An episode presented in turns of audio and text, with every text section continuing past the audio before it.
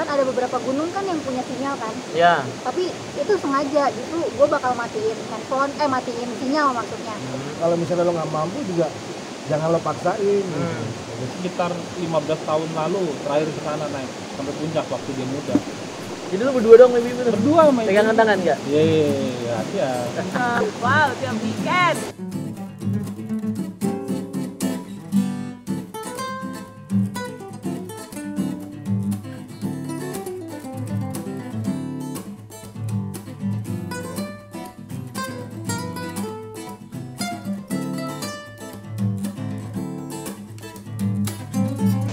Halo Soiflah, jumpa lagi di channel YouTube Janala.id Kembali ke segmen Ngobrolah Dan sekali lagi eh, Ngobrolah kali ini dengan setting tempat yang spesial.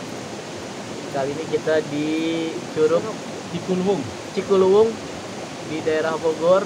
Kabupaten. Eh, Kabupaten Bogor ya. Eh, Di sekeliling kita batu-batu besar Yang sengaja kita susun tadi eh, sejam Wow. sebelumnya wow amazing Supaya terkesan artistik gitu padahal ini lagi di kamar Di kan gede-gede gitu kan. ya? padahal lagi di homestay enggak ini pakai green screen Oke, Soib lah. Eh, tema kali ini soal eh, pendaki galau. Bahasa kerennya pendaki galau lah. Tapi sebenarnya eh, konsepnya adalah sebagian orang menganggap hiking itu sebagai self healing. Artinya kegiatan yang bisa merilis stres gitu. Nah, kita mau bahas pengalaman pribadi masing-masing. Apakah pernah menjadi orang yang stres lalu self healingnya itu hiking atau eh, kita pernah membawa teman yang lagi banyak masalah kita ajak naik gunung supaya self healing eh, di gunung gitu.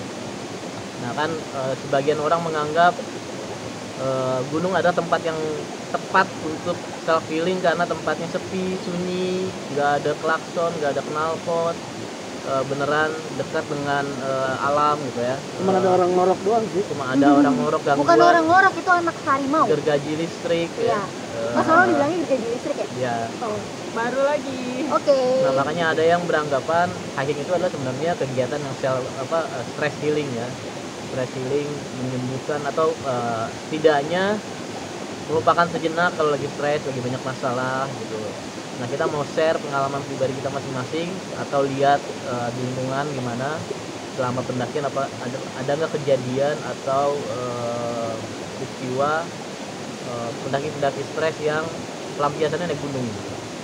Nah kalau mulai dari gue, gue sendiri eh, menjadikan hiking sebagai stress healing eh, pernah, tapi tidak dalam konteks untuk curhat. Jadi gue cuma mau eh, menjauh dulu aja dari dari keramaian gitu. Gue pernah eh, dan emang gue tipikalnya bukan orang yang curhat, jadi gue lebih sering dijadiin tempat curhat gitu. Iya. Salah satu yang fenomenal adalah gue pernah eh, mendadak di saat itu belum zaman simaksi ya. Masih ke lokasi juga naik bis ya jadi kebayang tahun berapa itu. Gue ke Lau nganterin temen yang patah hati. Jadi gue cuma berdua naik bis dari Romangun dia katanya lagi patah hati butuh temen naik gunung. Ya udah gue ke Lau nah di situlah. Pas tadi punya duit itu ya? Patah hati nah, punya duit. modal ya? Nah, tapi gue bayar sendiri kok gue bayar sendiri. Yang patah hati cewek apa cowok? Cewek cewek. Iya. Siapa tuh? Eh, Kalian sekarang orangnya udah kawin Iya, oh. sama iya. sesama pendaki dan apa si suaminya itu termasuk orang yang dicurhatin. Oke. Orang yang disebut dalam curhatannya itu gitu. Oke. Nah dari pengalaman itu gue lihat emang hiking kegiatan yang tepat untuk stress healing sih emang karena eh, bisa cerita tumpah ruah semua yang dia rasakan gitu. Termasuk tadi malam juga di kegiatan camping kita ada stress healing juga kan ada sharing cerita pengalaman. Ada ternyata ada kisah sinetron di salah satu diri kita. Perjalanan hidup. Perjalanan hidup gitu. Jadi eh, kegiatan yang tepat lah untuk stress healing menurut gue dan gue sudah berpengalaman melihat eh, kegiatan-kegiatan itu. Nah dari Ica gimana Ica? iya banget. Banget? Banget, Ica sebagai orang yang stres atau Ica yang sebagai orang yang stres. Wow wow wow tapi wow. stresnya bukan dalam arti yang kenapa kenapa banget gitu karena tapi kan karena nggak ada pop mie jadi iya stres bener. Jadi kan uh, kerjaan banyak juga bisa bikin stres gitu kan. Terus bosan sama keadaan di lingkungan maksudnya di lingkungan tuh kalau di Jakarta di Depok tuh kan macet. Oh rumahnya di Depok ya? Ah, iya pak saya orang Depok kan gitu.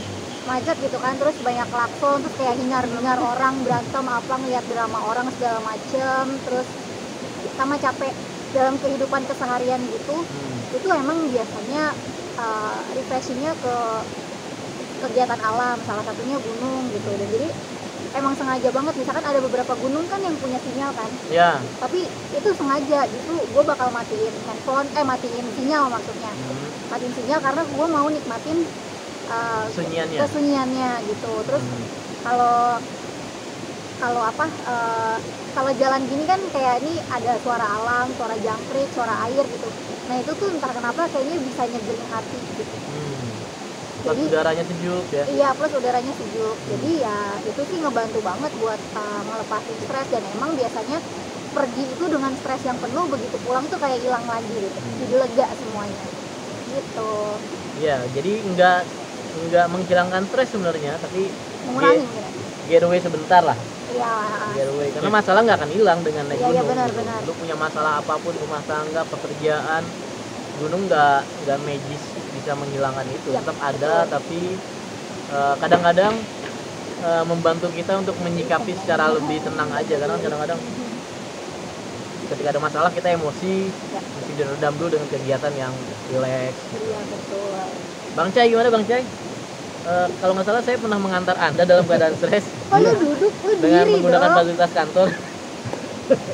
Iya gue emang pernah pernah lah pernah Hmm. itu lagi bener kalau gue bilang gue sebenarnya nggak ada gue nggak tahu kalau gue pengen ke gunung gitu Hmm.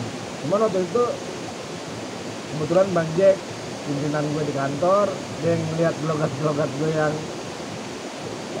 yang lagi menurut dia lagi galau galau Karena lu udah megang megang cutter waktu itu. Terus- dia ngajak ngobrol lo ya gue dia ngajak ngobrol lah lo kenapa gini gini gini ya ada ada apa cerita jalan hidup lah. Kan jalan hidup juga kalau lempeng-lempeng doang kan nggak enak ya. Iya betul. Justru yang bagus tuh yang Sadis. ada belok-belok wow. klik-klik kerikil ya. batu-batu gede kayak gini. Ini gede banget sih yang siapa yang nah dia pas gitu ya udah. Apa eh, kebetulan kantor lagi ada program eh, Ghost to Campus apa gitu. Ya, ke Malang. ya ke Malang. Akhirnya gue diikut ikut sertakan dalam program itu. Nah bonusnya gue diajak naik ke Semeru sama teman-teman nah di situ bener tuh gue bener-bener ngerasain apa ya? Kayak kayak re- refresh apa sih? Refreshing nge-refresh otak gue yang mumet gitu. Ada otaknya, ingat ada otaknya. meskipun kecil. nge-refresh. Selain itu juga. gue belajar gini loh. Wah ternyata permasalahan gue juga sebenarnya Ada yang lebih berat. ada yang lebih berat lagi dan enggak setiap permasalahan tuh sebenarnya ada jalan ada solusinya Ya.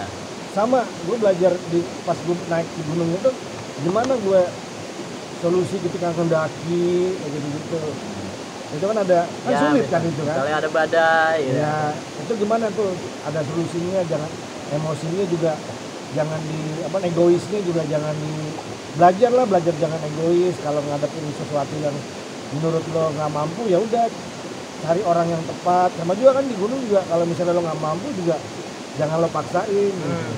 jadi gitu nanti Iya. belajar di situ tuh Kalau sebaliknya, Hah? pernah nggak nganterin orang yang butuh stress healing ke gunung? karena tapi orangnya nggak cerita ya Ya nggak apa-apa, tapi kan lu tahu dia stres, ya at least you can do adalah mengajak dia ke tempat yang eh, Nah, sunyi. pernah pernah pernah gue ngajak juga malah waktu gue sama bang Jack tuh diajak gue nggak sampai summit. Nah pas gue ngajak temen gue yang galau ini alhamdulillah dia sampai summit. Udah sampai sana dia wah nangis nih. Hmm. sampai ke puncak Mahameru malah. Cafe dia Em, pernah sih cuman waktu itu karena stres seringnya stres karena kerjaan.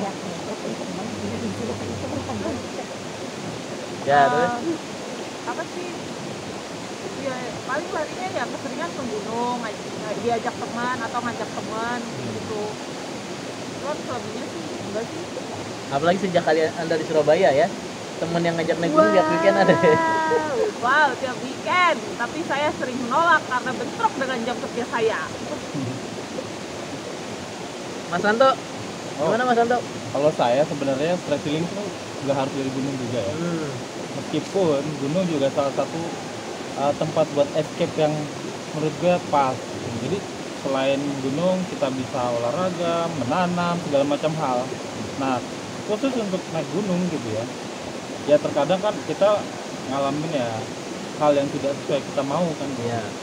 Nah, tapi juga kadang kita sudah menjadwalkan, oke gue gue lagi stres nih, gue butuh pelampiasan istilahnya, gue butuh suasana baru, udah dijadwalkan seminggu, nggak taunya gue nya udah oke, teman gue nggak bisa, tapi Oh. mau nggak mau ya udahlah, karena gue yang lebih butuh, jadi gue yang jalan sendiri. Oh, Lu pernah solo hiker? sendiri Enggak, maksud Oh. gue itu bukan untuk ke gunung. Oh, yang lain. Nah kalau untuk ke gunung gue belum berani sih.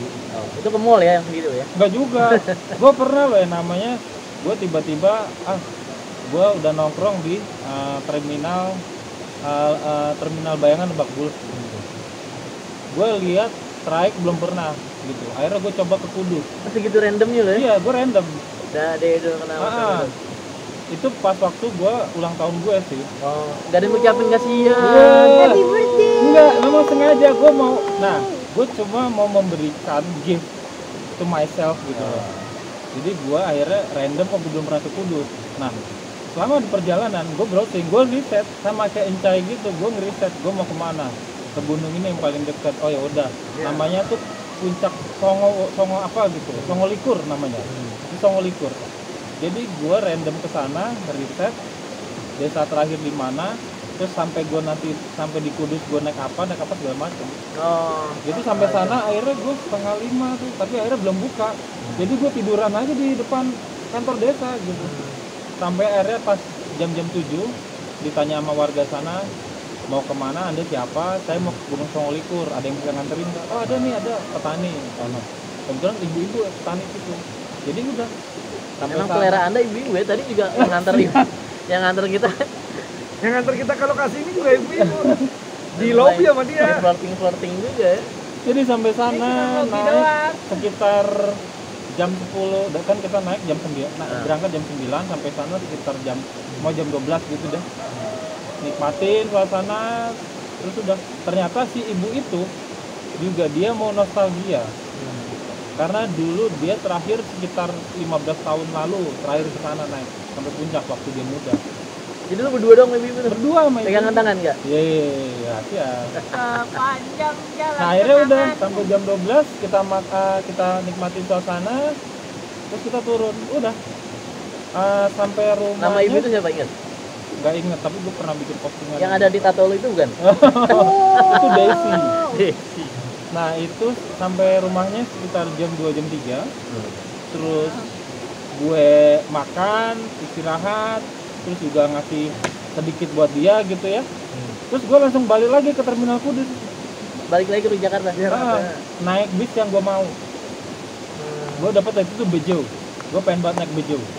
Udah ternyata dapet seatnya udah langsung pulang ke Jakarta jadi tektok Nah, Gitu dari dari pengalaman Santo tuh menarik karena dia stress healingnya walaupun bukan hiking ketika itu Mm. eh, Karena Itu ibu. sih. mengorbankan sama orang asing terlepas dari ibu-ibu itu pakai bikini atau enggak gitu ya. wow Nah, aku mau nanya nih mas satu, pernah nggak kalian dalam keadaan butuh stress healing berani jalan entah itu apa gitu tapi dengan orang asing orang yang nggak dikenal. Tapi kan kita kan sebagai pendaki udah terbiasa tuh ketemu di jalan ketemu camping segala macam tapi mingle gitu ya ber- membaur gitu. Nah tapi pernah nggak? Pernah. Mana kak?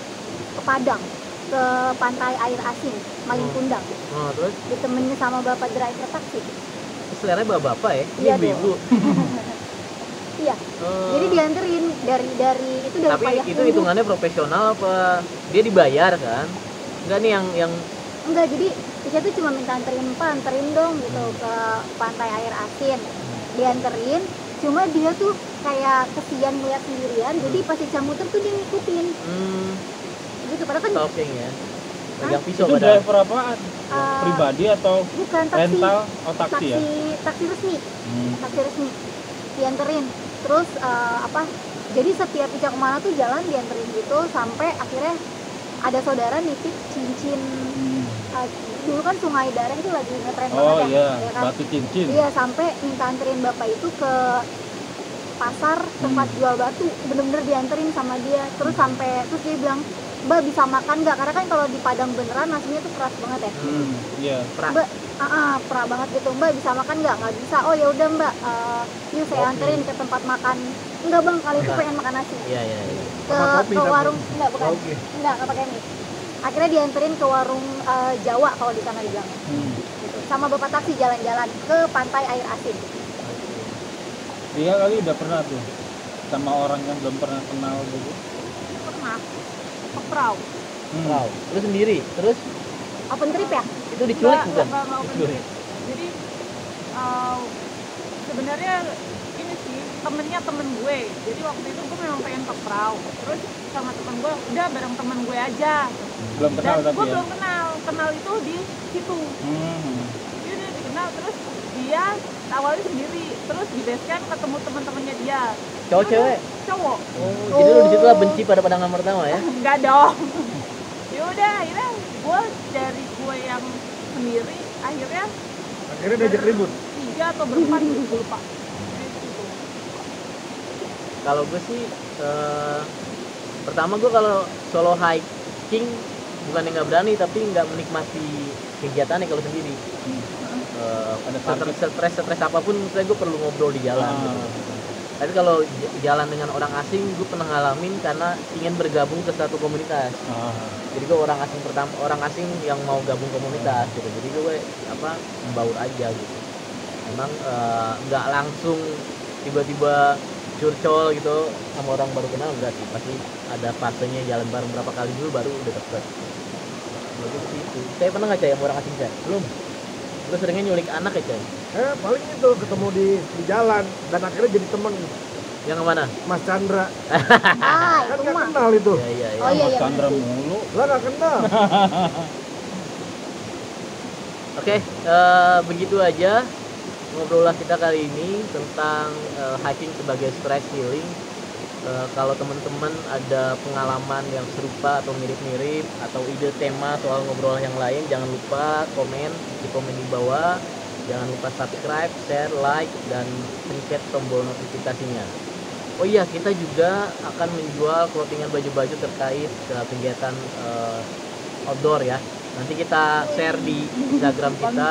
Parah Ini salah satunya. abang Ah, parah Kita nanti di di blur ya sama KPI. ya ya maaf ya Jadi yang berminat sama clothingan kita nanti silakan DM, silakan di kolom komen mungkin untuk bilang apa tertarik. Harga nanti kita akan publish. Gitu aja, sampai ketemu di segmen ngobrol berikutnya dengan tema-tema yang menarik. Ciao. bye